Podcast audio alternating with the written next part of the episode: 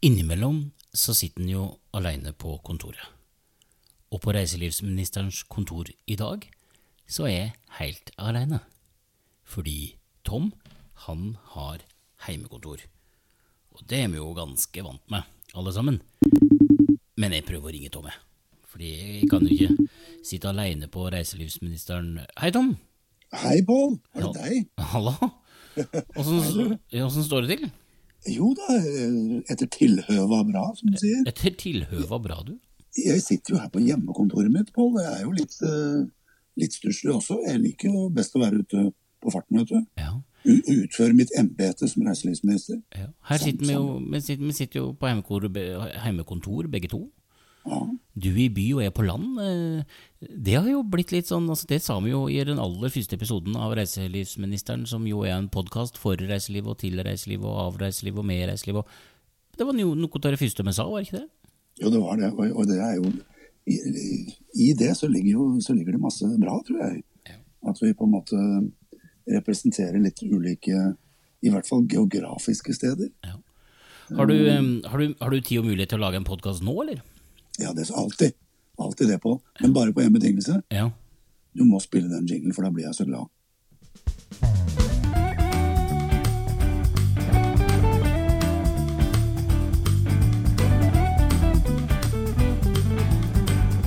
Ja, da fikk du jingle, eh, Tom. Eh, Velkommen til reiselivsministerens eh, heimekontor. Ja, I like måte, vil jeg si. Du, jeg jeg blir så glad at jeg nesten har lyst til å danse rømba, jeg, og rømba er det verste jeg veit på. ja, da er det bra låt, altså. Ja, men eh, jeg får stadig høre at denne jinglen den, den sitter som en kule, og det er jo Sture Morslåtten uh, nede fra Vikersund, egentlig fra Åle da, men han bor på Vikersund nå, som har laga den, så jeg syns han har gjort en strålende jobb, rett og slett. Ja, han er vår venn eh, for livet. Strålende jingle. Hadde du noe på hjertet i dag, Pål? Ja, vet du hva, eh, fordi at jeg nå tenkte at eh, nu eh, nå er det på tide å, å gjøre alvor av det vi snakka om eh, litt tidligere.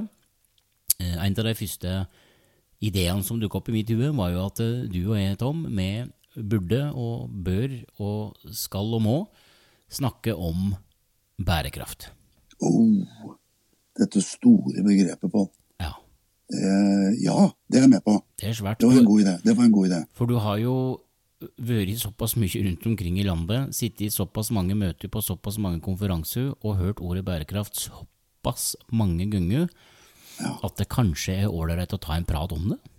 Ja, for vet du hva, Pål? Altså, jeg tror at Nå skal ikke jeg utrope meg til noen ekspert, men jeg tror, jeg tror veldig mange nikker. Å ja, bærekraft, ja. Det var jo, og det er vi litt stolte av, det ordet. fordi det, det er jo norsk. Det er jo ostehøvel og binders. Det er Gro Harlem Brundtland Ja, som, som introduserte det begrepet der i FN. ja, ja. Eh, Så, så det er liksom Å ja, tenker vi bærekraft. Ja, mm, det, er, det er oss. Og så har det kommet en ny sånn oppbløming, har det ikke det, Nora? Altså ta begrepet, og nå snakker jo alle om det. Alle snakker om bærekraft, og det er jo bra. Bevare meg vel, altså intet er bedre enn det. Men det er kanskje sånn på at, at eh, selve begrepet er litt ullent for mange. Ja. Tror du ikke det?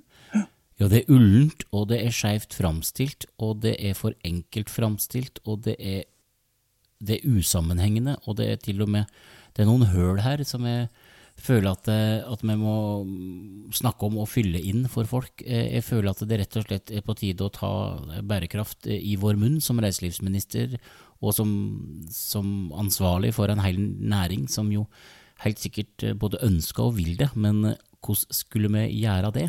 Eh, Så jeg har innmari lyst til å dedi- dedisere eh, og fylle denne podkastepisoden her eh, med kun bærekraft. Henger du med på det? Jeg er med på det. Jeg er med på det. Er det- Absolutt. Er det stein, saks, papir da, på hvem som skal begynne, eller? Ja, skal vi gå etter alder eller, eller age or beauty her? Nei, jeg veit ikke. Ja. Nå er det jo sånn at jeg vet jo at du har jobbet veldig mye med, med dette, du. Og du, Mm. Hvis, ikke jeg, hvis ikke jeg tar helt feil, og det gjør jeg jo ikke, jeg tar veldig sjelden feil Kan ikke huske sist. jeg tar feil.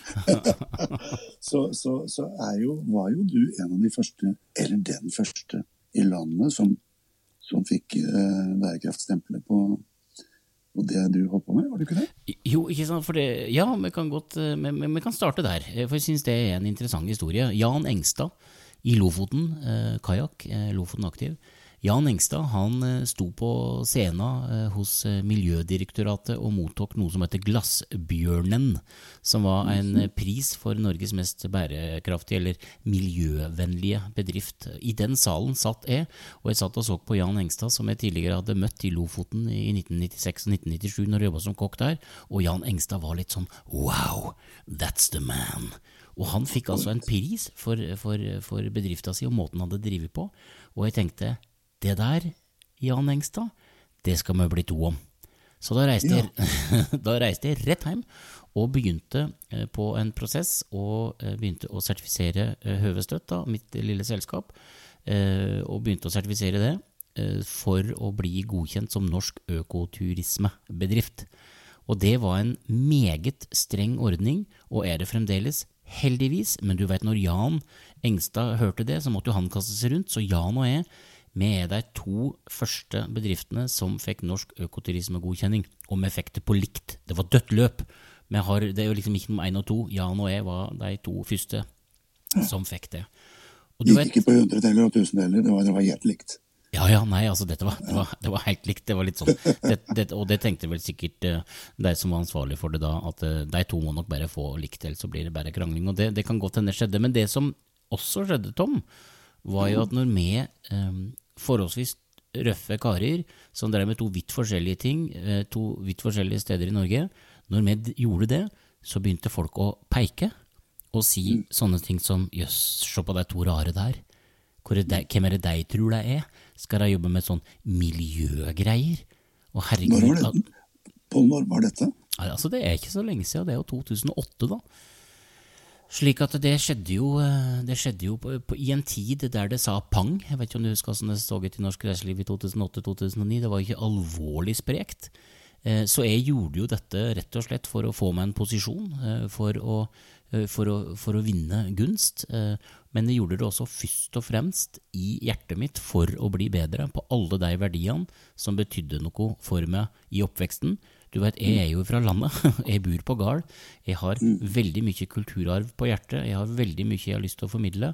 Jeg har veldig, veldig stor respekt for veldig veldig mange fagfolk rundt meg, men akkurat når det kommer til bærekraft, så kjente jeg meg så innmari igjen i disse der prinsippa som lå til grunn for å bli godkjent som en økoturismesertifisert bedrift. Og så er det jo alle de begrepene om økoturisme, bærekraft, miljøvennlig osv. Det, det skal vi selvfølgelig også rydde opp i, men, men, det er i hvert fall inngangen. At jeg har jo mm. alltid jobba etter bærekraftprinsippene, da. Uh, og det, det, er jo nesten det samme som Altså, du har jo reist såpass mye. Hvor har du sett, da? Hvis du, nå kjenner jo du begrepet godt, du. Altså, hvor har du sett av bærekraft der du har vært sånn, hvis du skulle liksom innlede podkasten i dag med altså, Hvor er det du har sett av bærekraft rundt omkring? Altså, hva er det du legger merke til? Ja, altså det, det, første som slår meg på du, du, altså du, snakker om at dette skjedde i 2008. Uh, og jeg har jo sett en enorm utvikling siden det. Uh, og en enorm, ikke minst en enorm både norsk, men, men i like stor grad internasjonal oppmerksomhet rundt mm. Ja. Uh, og, og, det er klart at jeg ser f.eks. Uh, stadig flere reiselivsenheter Mm. Det kan være organisasjoner, bedrifter, eh, hoteller, eh, cruiseskip, what have you, eh, som tufter virksomheten sin på bærekraftbegrepet. Mm. Om man har forstått det til fulle og følger alle punkter i det, det kan nok diskuteres. Men jeg, det gleder meg å se at, at stadig flere gjør bærekraft til, til et utgangspunkt for ja. virksomheten sin.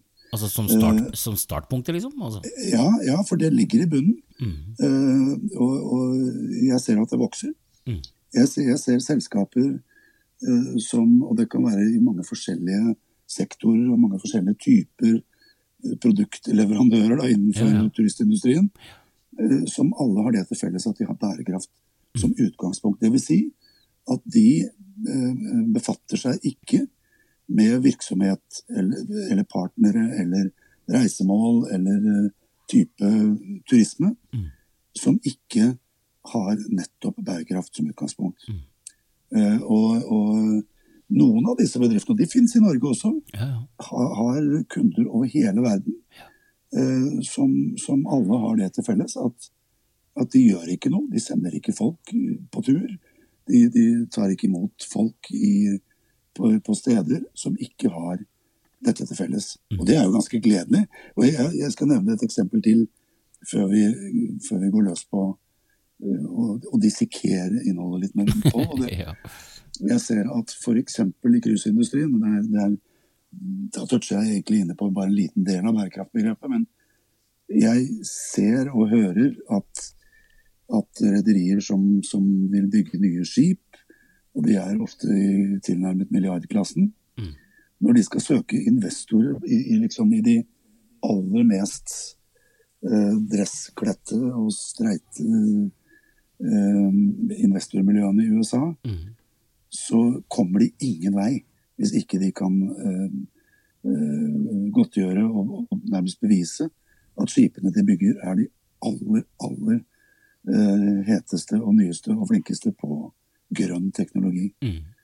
Så da har det gått Da har begrepet på en måte tatt igjen investorene. Mm.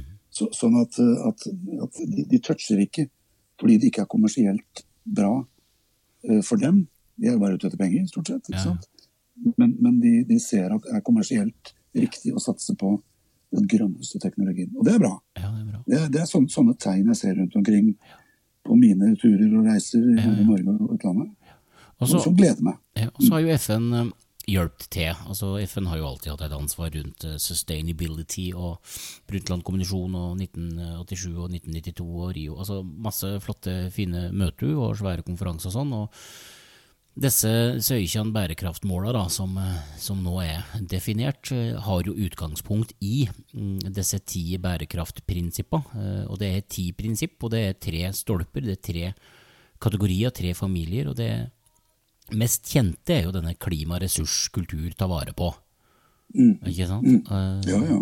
Og så har du den sosiale delen av begrepet, og så har du også, sier du nevner det, selvfølgelig må folk få lov til å tjene penger. Mm. Mm. Sånn det må være økonomisk eh, eh, bærende eh, for at en skal kunne jobbe eh, med hele begrepet. Så jeg tenkte kanskje i dag, altså i, i denne poden, da eh, så jeg men liksom er reiselivsminister, vikarierende, men, men dog, eh, så tenker jeg at vi, må vel få lov til å Eh, skjære litt i det og tygge litt i det og finne ut litt hvor er det egentlig dette begrepet innehar. Jeg eh, tenkte kanskje vi skulle ta litt sånn prinsipp for prinsipp. Er det, er det en ja, idé? Det, det, høres jo veldig pedagogisk riktig ut på.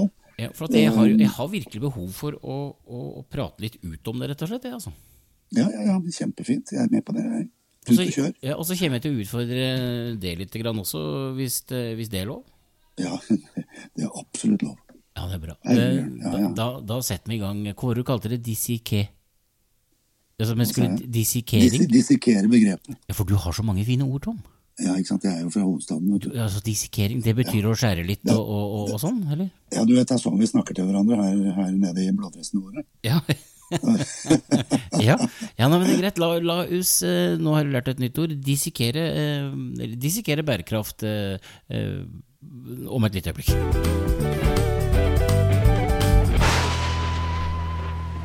Vet, vet, vet, du hvorfor jeg syns det er viktig på å sikre det? Eh, det er fordi at FN selv og Norad og alle som, som befatter seg med begrepet, de vet jo, og de kommuniserer til og med, at dette er det ikke alle som kjenner til. Det er ikke alle som kan og forstår og vet hva, hva bærekraftbegrepet er. Nei, nei. Men det, så, det har da jo evig rett i, har da ikke det? da? Jo, jo, jo, men det er, det er, greit å vite at det kommer fra offisielt hold. Ikke bare fra reiselivsministeren, men også fra FN, liksom. Mm. Men, men, min ambisjon, eh, Tom uh, B. Andersson uh, Vet du hva min ambisjon i dagens episode er? Mm, nei. Det er, det er å plassere bærekraft inn i en praktisk verden. Ja, det, det, er, det, det er sans for. Ja. For vi må, ja, vi, må starte, vi må, starte, med det første begrepet, og, og det, en av de første tingene jeg skal si, er jo at jeg mener helt bestemt at det er rekkefølgebestemmelser i bærekraftbegrepet og i prinsippene slik det er satt opp. Og det første, det første prinsippet, eh, prinsipp nummer én, da, som, som, jo veldig mange veit at står først, det er kulturell rikdom. Ja. Kulturell rikdom er en så viktig del av å jobbe med bærekraft at jeg har fått tall nummer én, og det blir veldig ofte det som er snakk om først og mest, uten å kalle det kulturell rikdom. Og det handler altså om det menneskeskapte. Tradisjoner, dialekt, mattradisjoner, historier som blir fortalt, eh, steder en kan besøke og oppleve historisk sus eller nu, uh, nuet. Uh, altså kultur er jo ikke bare svart-hvitt, gamle bilder i rammer. Kultur er jo nå. Kultur er jo Altså, det finnes like mye kultur foran oss som det ligger bak oss. Og kultur, kjenner du igjen det? Altså, altså, har du opplevd kulturell rikdom på, på dine favorittsteder? Også helt definitivt. Uh, og det, hvis, hvis, jeg skal trekke litt paralleller bakover, Pål, eller litt linjer bakover, mm. så, så, er det jo sånn at for og du, og du, skal ikke lenger tilbake igjen på den tiden du vant, fikk din bærekraftpris, uh, eller ditt bærekraftstempel. Mm. Uh, 15 år siden, hvis du ser på reisevanene den gangen, altså mm. de norske reisevanene, så hvis vi skal være helt ærlige, så var det mye som gikk til sol og varme. Mm. og billig mat og drikke. Ja, ja. Men der har vi sett en enorm forandring på de 15 årene. Eh, for i dag så er det vel så viktig å reise for å oppleve noe. Har du belegg for dette? Ja. Eh, altså Er du seriøs nå? Altså Dette høres jo veldig deilig ut, Tom. Det høres veldig digg ut hvis du har rett nå. Og, ja. altså, Du har jo fulgt dette. Altså, er, du, er det alvorlig nå? Ja, nå er jeg alvorlig. Og dette er jo en, en, en lang trend. ikke sant? Ja, ja. Du har alltid du har liksom korte og lange trender i reiselivet, men dette er en mm. lang trend. Ja. Uh, og det er, jo, det er jo, sånn sant, at vi, vi, ønsker å oppleve noe. Ja. Uh, og la oss ta eksempelet at du drar til f.eks. Ungarn. Ungarn, ja. Uh, du drar jo ikke til Ungarn for å kjøpe suvenirer fra Hongkong eller spise gudbrandsdalslefse. Du, drar, du drar til Ungarn for å oppleve det genuint ungarske. I hvert fall gjør stadig flere av oss det. Ja, ja, ja, uh, og da ønsker vi jo nettopp å å ta del i, i um, den kulturen som fins på reisemålet. Med alt hva det innebærer. Og det, det er alt fra uh, omgivelser, byggeskikk, uh, uh, kulturelle seder, ikke sant? folkedans, men mat og vin og øl og sider. Og liksom alt dette som er, som er kulturbåren produksjon av opplevelser og det som er på matfatet. Eh, så, så, ja, og det blir viktigere og viktigere hele mm. veien. Fordi når jeg vokste opp da, når jeg gikk i kokkelæra, så var det jo om å gjøre å spjåkre til mest mulig eh, på veldig mange kjøkken. Men jeg gikk jo eh, i læra hos Berit Kongsvik og, og Frode Aga på Geilo på Hallingstunet. Og en av de tingene som satte seg mest der, var jo nettopp denne lokale mattradisjonen som Hallingstunet jo har servert i i 30 år og, og fortsette å, å gjøre. Eh, mm. Og Ungarn du, du, altså, Jeg håper alle som reiser til Ungarn, et gulasj. Eh, altså, Gjør da ikke det? Altså, Er ikke det påbudt, nesten? Vet du, Noe, noe av det, det, det, som gjør meg mest sint, det er hvis jeg er på en reise sammen med andre mennesker, mm. eh, og så sitter vi rundt et uh, hyggelig middagsbord på, ja. uh, på en restaurant, og mm. så skal vi bestille mat, og så er det alltid én som, som, som eh, fnyser. Nei, ikke, det, det, høres ekkelt ut. Ja. Det, det, det, vil jeg ikke ha. Har du ikke, pizza, har du ikke pizza? Pizza, ja. Og så Heineken. Ja. Du, du, tar jo bort hele gleden, opplevelsen, mm. med å smake på den lokale kulturen. Ja. Det er jo derfor du reiser bort. Hvis ikke så kunne du like gjerne blitt igjen da, på, på Elverum eller i Oslo eller hvor du er, eh, og gått på lokale kebabsjappa. Ja. Det er det, det, det, gjør meg så nedstemt. Mm. Men heldig, heldigvis opplever jeg ikke det men, så ofte. Men, men jeg opplever det. Ja. ja, men Norge, da? Altså, er, vi, er vi flinke på dette? Altså, norsk reiseliv. Altså, vi er jo reiselivsminister kun i, i Norge eh, ennå. Eh, og vi har jo ikke fått EU-oppgave ennå. Eh, men, men, altså, er vi flinke her da, Tom? Altså, Norge? Noreg? Vi blir flinkere og flinkere på Men det er okay. klart, vi er aldri flinke, vi er aldri flinke nok. Nei, nei. Og så er det klart det er ganske store lokale forskjeller. Ja, ja. Um, veldig ofte så handler, så, så handler, jo alt sammen om samarbeid. Mm. Uh, jo, jo. Fordi, ja, fordi det er vanskelig å skape en kultur alene. Ja. Og, og, det er klart at andre land har kanskje vært flinkere enn oss uh, til å få til dette på et tidligere tidspunkt. Mm. Og, og, og, kanskje har det noe med vår historie å gjøre på. Kanskje har det noe med geografien å gjøre. Mm. Eh, gamle nessekonger som vi jo Ja. hadde langs hele kysten. ikke sant? Og bratte fjell mellom dalfører. Det var ikke alltid like lett å samarbeide. Eh, og du kjenner jo dette veldig godt fra, fra din tid som turistsjef på Geilo. Så det, det er viktig å få de ulike ressursgruppene i et kulturmiljø til å jobbe sammen om å skape denne kulturen. Ja. Og ta vare på den, eh, raffinere den, tilby den til besøkende som en genuin helhetsopplevelse. Jeg er enig i det. Men må komme tilbake der- ja. Ja, der ser jeg veldig mye forskjellig rundt i landet. Altså det, jeg, jeg må innrømme det. Noen er kjempeflinke, andre kanskje ikke fullt så flinke. Og vi skal komme tilbake til hvem som har gjort co litt innimellom. Vi har ni prinsipper igjen, og vi skal jo prate mye og inngående om alle ti. For for meg så er bærekraft alle ti prinsipper like viktige, og du må jobbe, jobbe oss med på likt like mye. Prinsipp nummer to, Tom, det heter landskapets visuelle og fysiske integritet. Det handler Ja. om estetikk, det handler om hvordan ting ser ut, hvordan ting får lov til å høre til en plass, bygninger, omgivelser, landskap osv. Um, altså, eh, rundt omkring i, i Noregs land så, så opplever jeg at dette er et litt sånn minefelt, uh, fordi arkitekter veldig ofte får vilja si, og så finnes det folk som ikke får vilja si, og så skal man bygge noe etter seg, og så skal det bygges svære ting, og lange ting, og rosa ting, og, og breie ting. Har du Tenker du at dette er viktig? Altså som, som en del av bærekraft så er det like viktig som det vi nettopp har prata om i ti minutter, men altså, syns du det er viktig, dette med, med, med, at ting ser bra ut der du er? Ja. Eh, nå skal det jo sies at estetikk er Beauty is always in the eye of the beholder, men Absolutt, ja, ja, ikke sant, det er jo det som er poenget, ikke sant, for det, for det, Ja. det, det er jo det er veldig subjektivt. Ja, det er det. Men, men allikevel så bør det jo finnes en god del, eh, i hvert fall noen helt subjektive, nei, unnskyld, objektive Ja, ja. eh, begreper rundt det. Og igjen, rundt omkring i landet så ser du jo mm, veldig mange forskjellige, forskjellige uttrykk. Ikke sant? Det er, eh, noen er gode på det, andre er dårlige på det, og noen har kanskje, for å si det rett ut, fryktelig dårlig utgangspunkt. Eh, og da tenker jeg f.eks. på på byer som ble jevnet med jorden eh, mot slutten av andre verdenskrig. eh, og Hvor det ble bygget opp funksjonelle betonggreier som erstatning, og gjerne huntonitt. og Men, men, Ja. men, men, det kan, jo ha, kan ikke det ha sin sjarm rent estetisk hvis, hvis det formidles som, som god historie og kultur, kultur, kulturell rikdom? Da henger ikke dette veldig tett sammen?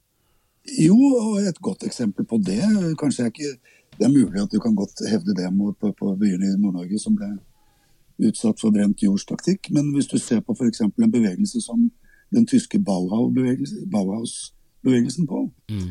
så var det, så var det uh, en, en bevegelse innen mange forskjellige felter, men også arkitekturen, som ble bygget opp pga. sin funksjonalisme. Ja, ja. Det skulle være firkanta, det, det skulle ikke nødvendigvis være pent, det skulle være funksjonelt. Mm. Og i dag står jo det igjen som de få stedene som er igjen, etter at eh, Hitler fant ut at han ikke likte dette her. Så de, de få stedene som er igjen, er jo i dag blitt kulturminner og kulturperler. Ikke sant? Så det er jo Du har rett i det at, at det er jo ikke Det er ikke nødvendigvis skjønnhet vi snakker om, men det er jo veldig ofte en slags egenart, er det ikke det? Jo, jo, ikke sant, for egenart og skjønnhet og sånn, du sier jo det, sant, det er jo en subjektiv oppfatning, men jeg tenker, norsk reiseliv har jo en del å gå på når det kommer til at eh, omgivelsene skal integreres i de omgivelsene som de er en del av, eh, eller at fysiske bygninger skal gjøre det osv. Men som reisende, eh, enten i utlandet eller i Norge, så tenker jeg jammen er det mange som får seg noen aha-opplevelser av A. Hvor utrolig vakkert det kan være eh, noen plasser, og B. Hvor jæ- veldig fælt det kan være andre steder. For dette legger jo folk merke til. Altså Det er jo postkorta, det er jo Instagram, det er jo alle ting de sender beskjed om heim. Det ligger noen sår rundt omkring i landet, det er ikke Ja, ja, tvil om det. ja, det uh. Og det, er, som du sa, uh, ofte kan man legge skylda på arkitektene, men det er jo også de som har bestilt arkitektene. Ja, ja. Ja, for- og godtatt, og godtatt oppdraget. Ja, ja. Eh, Så Og en viktig del av bærekraftbegrepet er jo nettopp det å ta den praten, da. Med bestiller og, og, og, og utvikler og alt dette her. For nå snakka vi om landskapets fysiske og visuelle integritet. og og, og, og, og kulturlandskap blir jo fort en del av dette her. Bylandskap blir jo en del av dette her. Fjordene våre er jo det er jo veldig ofte sånn at norske fjorder innimellom ser ut som det er vrengt på vranga, og alt man ikke trenger, har man lagt ut i fjordarmen, og så er det fine inni altså, Det er veldig mange sånne rare ting. Nå har vi blitt flinkere og flinkere til å rydde, og masse flotte fjordarmer og strandpromenade og, og, gud hjelpe med. Men jeg tenker hvis en skal jobbe mer bærekraftig, så er ønsket mitt at en skal bli enda flinkere og tørre å ta noen modige valg, for å ikke bli enda mer lik alle andre, men, men at han faktisk kan dyrke styrke, bli opptatt av egenarten sin, og ikke alltid la arkitekten vinne diskusjonen. Jeg er hjertens enig. Og dette tror jeg Her er vi inne på et nøkkelpunkt uh, når det gjelder akkurat dette med denne delen av begrepet. Da. Mm, Det er veld, veldig viktig å vite hvor, hvem man er, Ja, ja. eh, og, og ta vare på den kulturen man faktisk eh, er en del av. Ikke, ikke skape disse sårene i landskapet som man ser enkelte steder. Tredje prinsipp, punkt nummer tre i bærekraftprinsippet, Tom, det er en av mine yndlinger. Det heter biologisk mangfold. Ja. Og det, Pål, utenifra er nok litt ullent. For da, Ja. hva er det for noe? Er det, som, er det det som ligger i en uh, hotellseng som ikke er ordentlig vasket? Ja, ja, ja. eller eller hva, hva er det egentlig? Uh, og det er klart at det omfatter vel en god del. Jeg tror du skal prøve å forklare litt hva som ligger i det begrepet. Nei, for, for, ja, jo, ikke sant, Jeg kan jo prøve å forklare det, men det, men det jeg synes det er en morsom ligning. Da. Altså, på jordkloda ikke sant, så finnes det to ting. Det er kultur og natur, og alt er biologi. og Hvis man da skal snakke om biologisk mangfold, så betyr det noe enormt mye. Da. I reiselivssammenheng så eh, Det er én ting som, som er veldig lett å forklare. Det er nemlig lokal mat, lokalproduserte råvarer. Det er å ta vare på biologisk mangfold der du er. For hvis du kjøper ost produsert her Esit, oppe i bygda, i ostebygda, så betyr det at de lokale bøndene her har hatt dyra sine ute på beite og sørga for det biologiske mangfoldet, holdt kulturlandskapet nede fordi dyr er ute på beite. Sånn at når du da betaler 176 kroner for et ostetrekant her i ostebygda, så har du vært med på å eh, på sett og vis heie på det. Men hvis ikke reiselivet sjøl bruker de lokale matprodusentene, så er jo den kampen litt altså, Den er ikke fånyttes, men det jeg registrerer, er jo at lokalmat har jo kommet som en kanon de siste åtte månedene.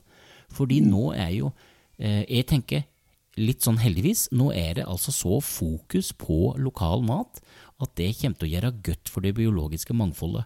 Man har eh, bevegelser som går inn på økologi. Eh, det kunne jeg snakka fryktelig lenge om, for jeg mener det er en del ting der en kanskje bør eh, stramme opp litt og, og gjøre, gjøre både det ene og det andre med. Men vi har jo bevegelser som går på dette med biolo biologisk mangfold, med altså selve biologien eh, og med økologien, som er en av flere måter å bedrive biologisk mangfold på. Så tenker jeg at bare det å bestille lokal mat, og sørge for at det lokale reiselivet faktisk heier på lokale matprodusenter, da er du en del med, altså da, da, da er en del mer med på å, å jobbe med biologisk mangfold. Og så er det en sånn annen fysisk side. Eh, for du har jo også gått i, i fjellet og veit at eh, sykling eh, og syklister og, og slikt, der har jo stier. Vi bygger jo veldig mye sti i Norge, Tom. Overalt. Trysil og, og, og Hemsedal og Hafjell og overalt.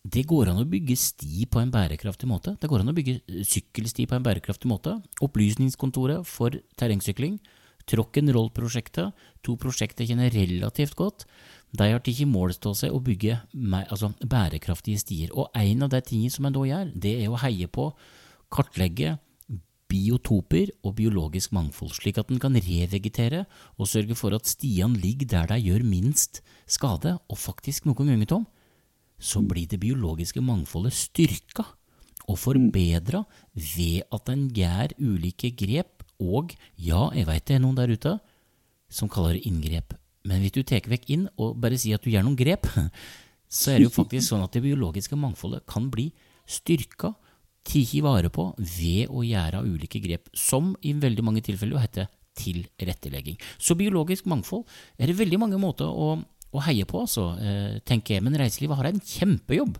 å gjøre der, altså. Og på, hvis, hvis, ja. hvis jeg oppfatter deg rett, på, så er biologisk mangfold det er produk produksjon i samspill med natur og miljø. Er det en grei definisjon? Ja, jeg tror ikke vi skal si noe mer enn det. Da, Tom. Da, altså det altså, der tok du essensen ut av hele begrepet og planta den. Kan du gjenta den setningen? Produksjon i samspill med natur og miljø.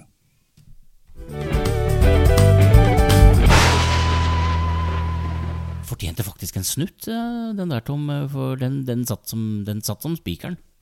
Jeg satt som ei kule. Den satt som ei kule. Og nå skal vi til prinsipp fire. Det er, kunne man snakka mest om, men det, det jeg syns om dette prinsippet, det er at alle har snakka det såpass opp og gjort det så varmt at vi skal bruke lite tid på det. For det er nemlig klima, miljø og ressurseffektivitet. Ja, som, som på mange måter er en diskusjon som lever hele sitt eget liv. Eller et begrep som lever Ja. hele sitt eget liv. Ja, det gjør det. Og, og som kanskje, i den grad det settes i forbindelse med bærekraft, så, så er det mer en sånn ting man bare gjør. Fordi det, det lever så veldig i sitt eget liv. Ja. Og, og, og det er så gjennomdiskutert på. Så jeg, vi vet begge hva vi mener om det, og jeg tror vi har mange med oss. Ja, jeg er enig i at det, det bruker vi ikke så mye tid på. Nei, jeg, skal bare, jeg har bare lyst til å si én ting. Jeg har enorm respekt for alle de som kjemper en klimakamp og miljøkamp og en ressursutnyttelsejobb hver dag. Du har eh, firmaer som jobber med dette hver dag. Men poenget er, Tom, du kan jo være klimaforkjemper og ikke jobbe på et bærekraftig vis. Det kan du. Ikke sant? Kan, definitivt. ikke sant? Ja, ja. Sånn at Man må ikke tro at klima- og miljøkampen er, er saliggjørende for bærekraft, for det er ikke det samme.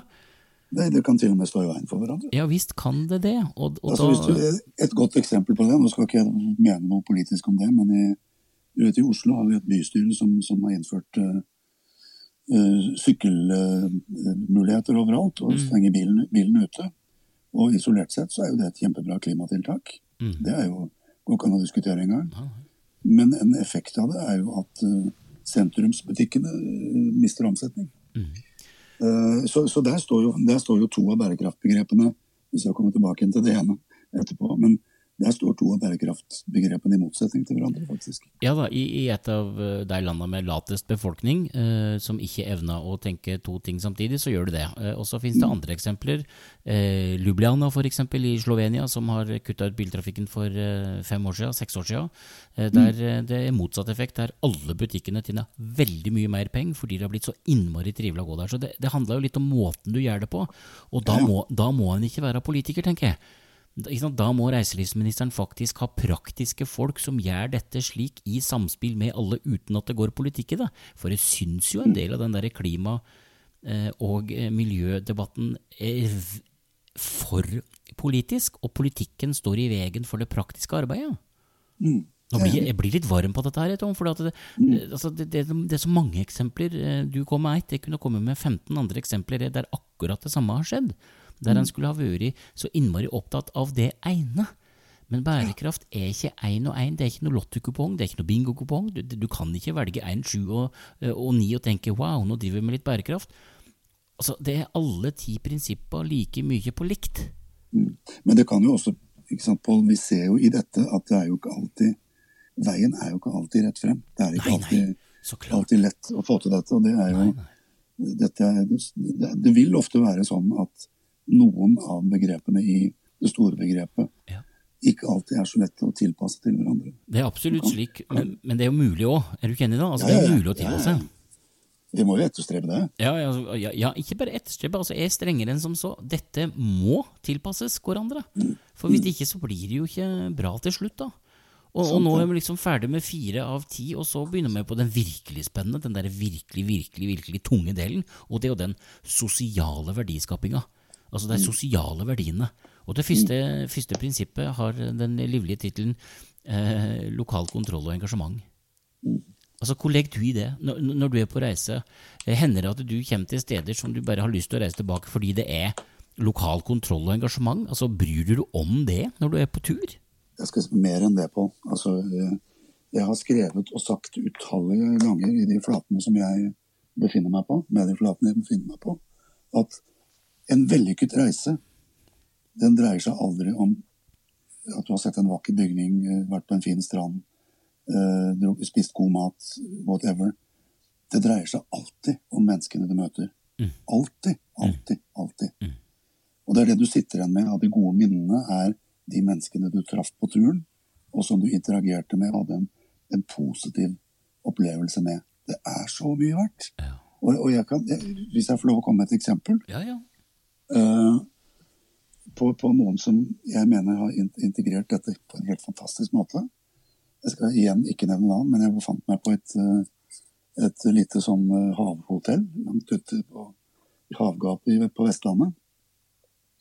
Og kommer dit og blir ønsket velkommen av en hotelldirektør og en, en kjøkkensjef som er lokale. Mm. De er derfra, Pål! Ja, ja. Og de var altså så De, de rant jo over av iver etter å fortelle meg om det stedet jeg var kommet til.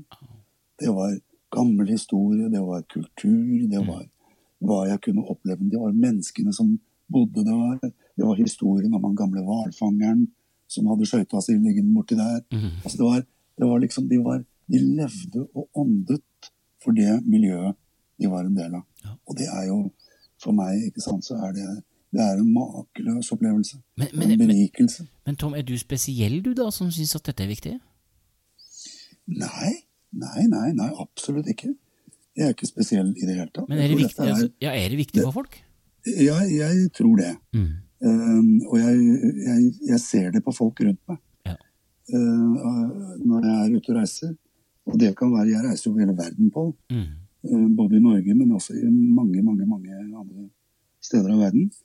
Og, og jeg ser det overalt. Altså Den der gleden ved å ha truffet et menneske du klikker med. Et menneske som du kan prate med. Kanskje til og med diskutere med. altså Ja, ja. Det trenger jo ikke bare være harmoni, men det at du, at, at du Vi mennesker er jo sånn på. Det er jo vår natur. Ja? Det er jo i interaksjon med hverandre at vi, at vi har det som best. Ja, Og, og, og, dette må være en del av reiselivet. ja, det må det være en del av reiselivet, og det er en del av bærekraftbegrepet. Det at det er lokal kontroll og engasjement, at man faktisk møter folk som opplever at de kan ha kontroll på sin egen situasjon, sin egen utvikling.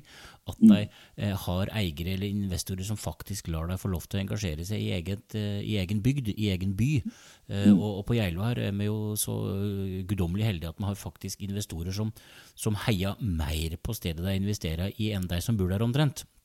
Eh, Og det finnes jo motstykker rundt omkring i verden der det ikke er slik, og da jobber man ikke så bærekraftig. Og det er jo her dette begynner å bli ganske sexy, spør du meg. For, at, og, for, for det stoppa jo ikke der. Altså, eh, det neste prinsippet, la oss ta det med en, en sveng, for det, det er veldig veldig i, i, i, i, tett, tett eh, tilknytning til det vi nettopp har diskutert. For det eh, prinsippet, eh, nummer, eh, nummer seks, da, det heter eh, lokal eh, livskvalitet og sosial verdiskaping. Hør på det.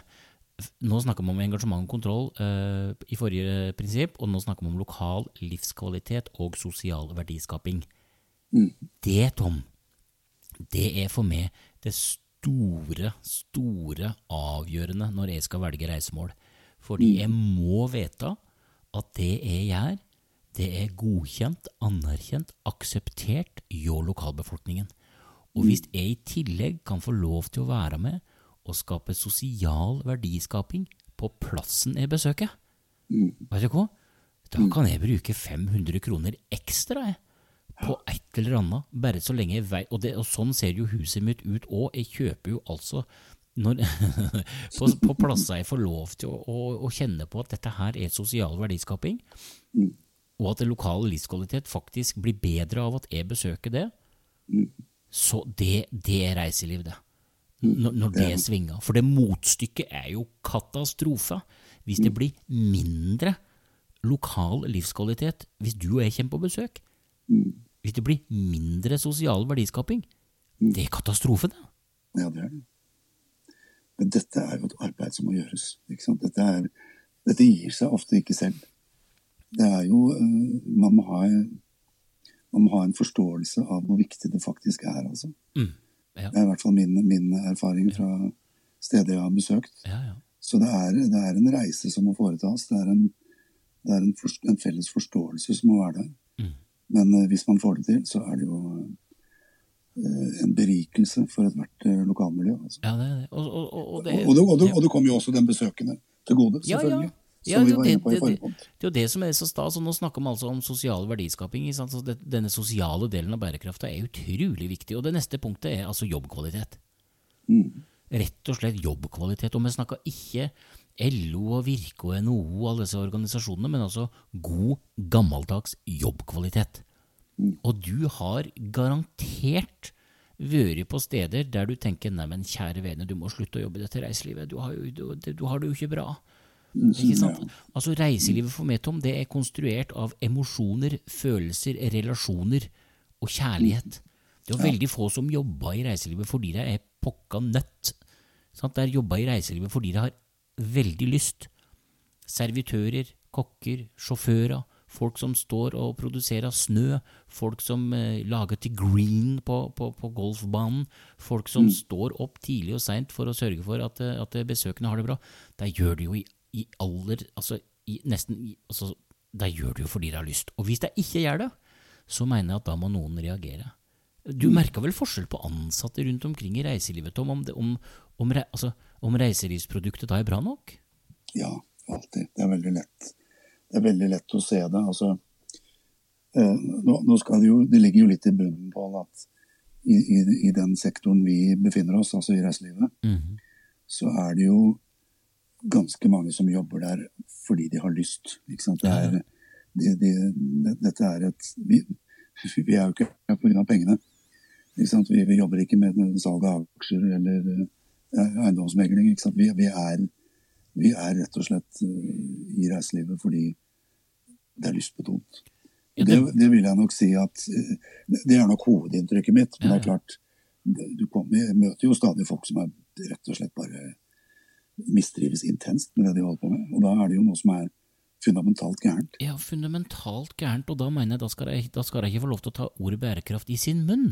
For jeg mener det, hvis du skal jobbe, altså, Nå finnes det, det er 30-talls, vel snart destinasjoner i Norge som kaller seg for bærekraftige reisemål. Og, og hvis det er sånn at hvis jeg møter Altså, jeg har helt andre forventninger til folk som jobber med bærekraft, fordi jobbkvalitet hos alle medarbeidere også er en del av det begrepet. Sant? Og, og det syns jeg er utrolig viktig, altså, at, at faktisk også medarbeidere og ansatte i bedrifter har sitt eget prinsipp, og at de blir heia på i bærekraft. Derfor liker jeg begrepet så godt, fordi det er så mang, mangfoldig og, og rikt og djupt og bredt. Dette er jo også en ledelsesutfordring, Pål. Ja, det, ja, ikke sant, visst er eh, det vel det.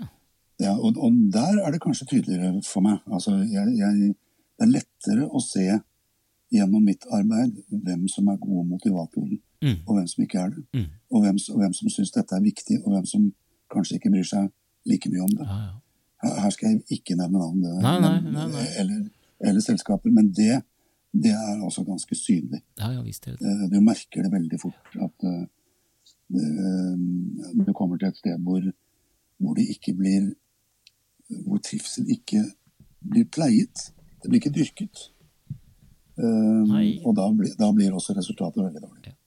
Og det henger jo ja, Og veldig synlig. ja visst, og dette henger jo sammen, og, og i bærekraft henger alt sammen med alt, er det noen som har sagt. Og det er mulig, den, den en- det er en artig liten eh, setning å si, men når vi er på sosial verdiskaping her, så henger det virkelig sammen. For det åttende prinsippet i bærekraftbegrepet er altså da gjestetilfredshet, ikke sant? trygghet og, og opplevd kvalitet. Man snakker om opplevelseskvalitet og trygghet og gjestetilfredshet. Og der er det jo altså et fantastisk stort system og mange, mange ting å kunne jobbe med. Men det, det, altså resultatet av de tre oppe her nå, ikke sant, hvis det er noen som ser dette for seg, da, eh, med, med lokal kontroll og engasjement, med lokal livskvalitet og sosial verdiskaping, og eh, også dette med jobbkvalitet, det gjør jo at gjestene blir tryggere, gladere og syns det er bedre. Eller tar jeg feil? Nei, Dette er ganske selvfølgelig. Det er jo en sånn treenighet i reiselivet. Eh, Dette henger tett sammen. Ja. Eh, Og du kan nesten ikke oppnå det ene uten å ha fokus på det andre. Nei, Også. nei, ikke sant? Fordi, fordi det er eh, det, Dette siste punktet er jo, kommer jo nesten som et naturlig resultat av at du har lykkes med de andre. Ja, og det går an å gjøre det på så veldig mange fine måter, ikke sant? Og så var jeg litt ambisiøs eh, tidligere i episoden her og sa at jeg hadde lyst til å gjøre bærekraft til en praktisk greie. Og jeg skal fortelle veldig kort, vi har vært igjennom og er midt i en pandemi. Og vi har altså eh, en antibac-greie gående rundt omkring. altså man skal, man skal vaske hendene, og man skal, man skal bruke antibac. Det er bra. Det er viktig. Og så kommer du da til Antibac hotell, som jeg kaller det. Det er altså da de hotellene som har eh, automater, og du får lov til å gni inn eh, sånn og sånn, og det, og, og det gjør vi. Hæren flytter med, altså med, med så regner på henne at det går kjempefint. Og så kommer du til noen steder som har gjort det også på en sånn fantastisk måte. For det går, det går jo an å se litt opp i eh, høyre hjørne, kulturell rikdom, biologisk mangfold. Og så går det an å gå og se på covid-19, åssen går det an å gjøre noe med det? Jeg var på Siderhuset, Tom. Siderhuset i Balestrand, mm. der Balholm eh, der, der, disse fantastiske menneskene, Gard og Tuba og, og Eli Kari og alle, altså liksom hele gjengen driver på. Og Gard eh, og Tuba, som da eh, serverte maten denne kvelden, med, var en gjeng som var der på, på, på, party, og man har forventninger om at man skal ta på seg antibac. De hadde selvfølgelig ikke det, for det produserer jo frukt og bær. Så de hadde jo rett og slett tatt eplebrennevin. Så det lukta jo altså eple av hendene dine etter at du hadde smurt inn. Så det går jo an å gjøre dette her også med egenart og identitet. Og det er, det er hele prinsippet. Det er hele greia med bærekraft for Metom. Det er å bruke det til noe fornuftig, og ikke la det ligge i en papirskuff og bli et sånt der dokument. Det går an å jobbe med dette her i praksis. Det er liksom det, er det aller viktigste. Og nå er det jo bare to prinsipper igjen, Tom. Du verden. Kan du tenke det? Altså, ja, det. Du, du tenker, dette åtte første her, Er det noen av disse her som du tenker at, at du har, altså, har, har, har, har, folk godt av å høre på dette her, eller har vi nå bare repetert masse, folk, nei, masse ting som alle folk vet om? Det tror jeg ikke på. Jeg, jeg, det tror jeg rett og slett ikke. Jeg tror faktisk at, uh, at uh, man har nytte av å høre på. Jeg, jeg, kjenner at jeg har nytte av det selv. Mm. Det er jo på en måte For det første er man aldri utlært. Den dagen man er utlært, så er det for seint. Ja. Um, og, og, jeg føler at jeg får større bevissthet ved å prate om det. Det håper mm. jeg jo at de som hører på, også gjør på. Mm. Ja, ja, jeg tenker, altså, Da har vi liksom vært med 1, 2, 3, 4, 5, 6, 7, 8 Nå er det, to igjen. La oss uh, puste litt.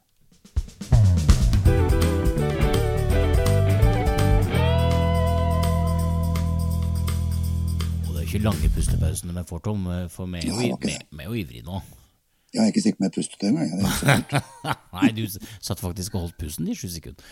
Eh, men, men altså, nei, jeg blir, jeg blir, varm og ivrig, altså. Og, og bærekraft, Tom, det er, det er rundt oss hele tida. Politikere har snakka om det. det. Det, er liksom på, på alles lepper. Og uh, det er i Dagsnytt 18 sånn, og så er det på Debatten der, og så er det liksom sustainability i det landet, og så er det litt jeg, lut lei å høre at folk skal drive og redefinere begrepet. Og det er mulig jeg er litt tøff i kjeften nå, men det, det velger jeg å være. Og jeg mener, hvis alle kunne ha slutta og slått politisk mynt på begrepet, og heller begynt å jobbe med det i praksis, så hadde en jo kommet ganske mye lenger. Ja, vi hadde det.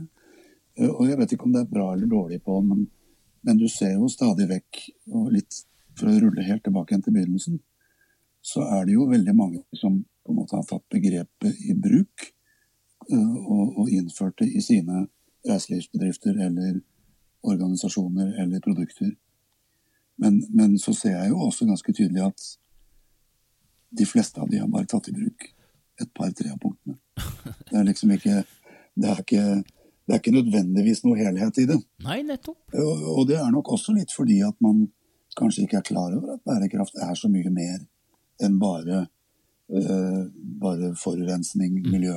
Mm. Ikke sant? Det er, eh, det, er jo, det er, jo, nettopp det vi har vært igjennom nå. og Vi har et par punkter igjen. Men, men det er jo et ganske bredt, hvitt begrep. Ja, det er et hvitt begrep. Ja. Og, så er det sånn eh, for, for, for, min del, altså, det, det, det, er tre stolper. ikke sant? Det er kultur, miljø og ressurs pluss sosial verdiskaping, og de sosiale verdiene, er lik økonomi. For det så jeg frem til å komme frem til. Ja. For økonomi, For jo, vet du, økonomi, ja. Tom, det er altså en det er like viktig som alt annet i bærekraft, men det er ikke viktig alene. Du kan jo være mange milliardær uten å være i nærheten av å jobbe med bærekraft, men det blir ikke bærekraftig hvis du ikke tjener penger. Og, og det er ganske interessant, Pål. Og, det, dette finner du jo altså Hvis du leser de 17 bærekraftsmålene til FN, og går gjerne inn på Norads side hvis du har interesse av det, og, og sjekk dem ut, eh, så er det jo eh, litt overraskende for noen, så er altså gründervirksomhet, innovasjon, eh, økonomi et av de viktige bærekraftmålene. Mm. Så det er jo ikke som kanskje noen forstokkede mennesker tror, at, at bærekraft er et begrep som hvis du, hvis du parer Miljøpartiet De Grønne med Kristelig Folkeparti, så får du liksom bærekraft. Så, så enkelt er det ikke. Det er, mer avansert enn som så. ja, og det er jo nok en grunn til å ikke blande partipolitikk inn, jo, jo. eller politikk jo, i det hele tatt inn i det. Men, eh, men økonomi, kjempeviktig. Mm. Kjempeviktig for eh, bærekraftbegrepet. Ja, og, og, der minner du meg på noe, Tom. ikke sant? For, for noen eh, lurer kanskje på hvorfor du og jeg har nevnt de 17 bærekraftprinsippene til FN så få ganger. Men hemmeligheten Det er jo ikke noe hemmelighet, det, Tom. Men FNs 17, eller 17 da, eh, bærekraftmål er jo bygd på disse ti prinsippene vi snakker om nå. Så når innovasjon og gründervirksomhet kommer som et eh, prinsipp der, så er det jo fordi at det handler om både lokal kontroll, engasjement, det handler om lokal livskvalitet, det handler om jobbkvalitet, og det handler om ikke minst det å skape nye ting, slik at en faktisk kan se nye eh, verdikjeder eh, og nye produkt, nye råvarer, nye tjenester, nye opplevelser bli skapt. ikke sant? Så, og, og, i, og, og, i, det, Pål, mm, i det, mm. så ligger det jo også at, at uh, verdiene i så stor grad som mulig skal ligge igjen lokalt. Ja, ja. Ikke ja, sant? Ja, hvis, hvis, du kan ta et internasjonalt skrekkeksempel Eh, se for deg en, en av verdens største hotellkjeder som bygger et luksushotell på en strand i Tanzania. Ikke sant? Så, eh, så flys kundene inn, de drar direkte på hotellet. De spiser middag der, de, de bestiller alt. De, de, lever hele ferien sin på hotellet, og så drar de hjem igjen. Det ligger ikke igjen fem øre til lokale eh, leverandører av varer og tjenester. Så det, det, er jo et slags skrekkeksempel ja, ja. på det er motstykket av bærekraft, det, er ikke sant? Mot, motstykket av bærekraft med økonomi. På alle mulige måter, tenker jeg da. For ja, visst, altså, jeg har vært på Maldivene, jeg, eh, og, og fikk vite litt seint, dessverre, at eh, det var fire herrer i Sverige, i Stockholm, som forsvant med alt sammen. Og, altså, da, da ble jeg så lei meg. Men, men, men, men, økonomi har jo to sider. Eh, det vil si, Vi skal ikke snakke om pluss og minus, vi skal snakke om de to sidene, eller de to prinsippene i bærekraft. For det ene er jo, Tom, sunn økonomi i egen bedrift. Altså mm. eh, konkurransedyktige eh, reiselivsbedrifter. Eh, det er det det står der. Og, og, og sunn økonomi, da. Det er jo én ting. Prisene må være riktige. En må sørge for at det er nok betalt for det, og det er, eh, det er vilje til å, å, betale for, da, betalingsvilje. Men det andre økonomiske prinsippet i disse bærekraftprinsippene er jo det jeg jobber aller mest med eh, i livet. Det er bærekraftige destinasjoner må også da ha konkurransedyktige bedrifter og mm. samarbeide om mm. dette. Åh, oh, det er så viktig. Det, der, altså, det, det er jo et, et mantra uh, for meg når jeg, når jeg, ser på hvem som lykkes og hvem som ikke lykkes. Mm. Så er det altså, Du kan nesten være 100% sikker på, på, at når det kommer til en bygd eller et, et sted uh, som består av flere enheter. Du, liksom, du, reiser ikke for å være på ett sted, men altså er, ja, skjønner, det er et miljø. De som lykkes, er nesten, jeg vil nesten si uten unntak. Mm. Det er de som klarer å samarbeide. Ja, ja. Det er, det er, bare helt Og, og, og da syns jeg de skal få kred for det. Og altså, nå, jeg kjenner jo norsk reiseliv relativt godt ifra denne sida, fordi jeg har jobba mye med bærekraft. Jeg har jobba veldig mye med de stedene som, som er merka som bærekraftig reisemål. Jeg har vært på samtlige og kjenner alle sammen svært godt. Mm. Og, og, det er jo det å få jobba med disse ti prinsippene her i praksis som gjør at de kan kalle seg mer bærekraftig. Og, mm. og bærekraftig er ikke noe du blir. Det fins ikke noen mållinje. Bærekraft Ja, hei, det har vært med bærekraftig medalje. Altså, det finnes ikke en målelinje. Det finnes alltid forbedringspotensial. Det finnes alltid måter å jobbe med disse ti tinga vi nå har snakka om i en time. Det finnes alltid forbedringspotensial. Du kan alltid samarbeide mer og bedre. Du kan alltid sørge for bedre lokal, lokal livskvalitet. Du kan alltid bli bedre på å jobbe med biologisk mangfold og alle de andre prinsippene. Og, og det er jo Det er jo eh, Det er viktig. Og det, jeg kjenner liksom Jeg blir jo ikke matt, Tom, men jeg kjenner jeg blir litt sånn derre Fy filler'n, altså. Vi trenger en reiselivsminister som tør å si noe om bærekraft.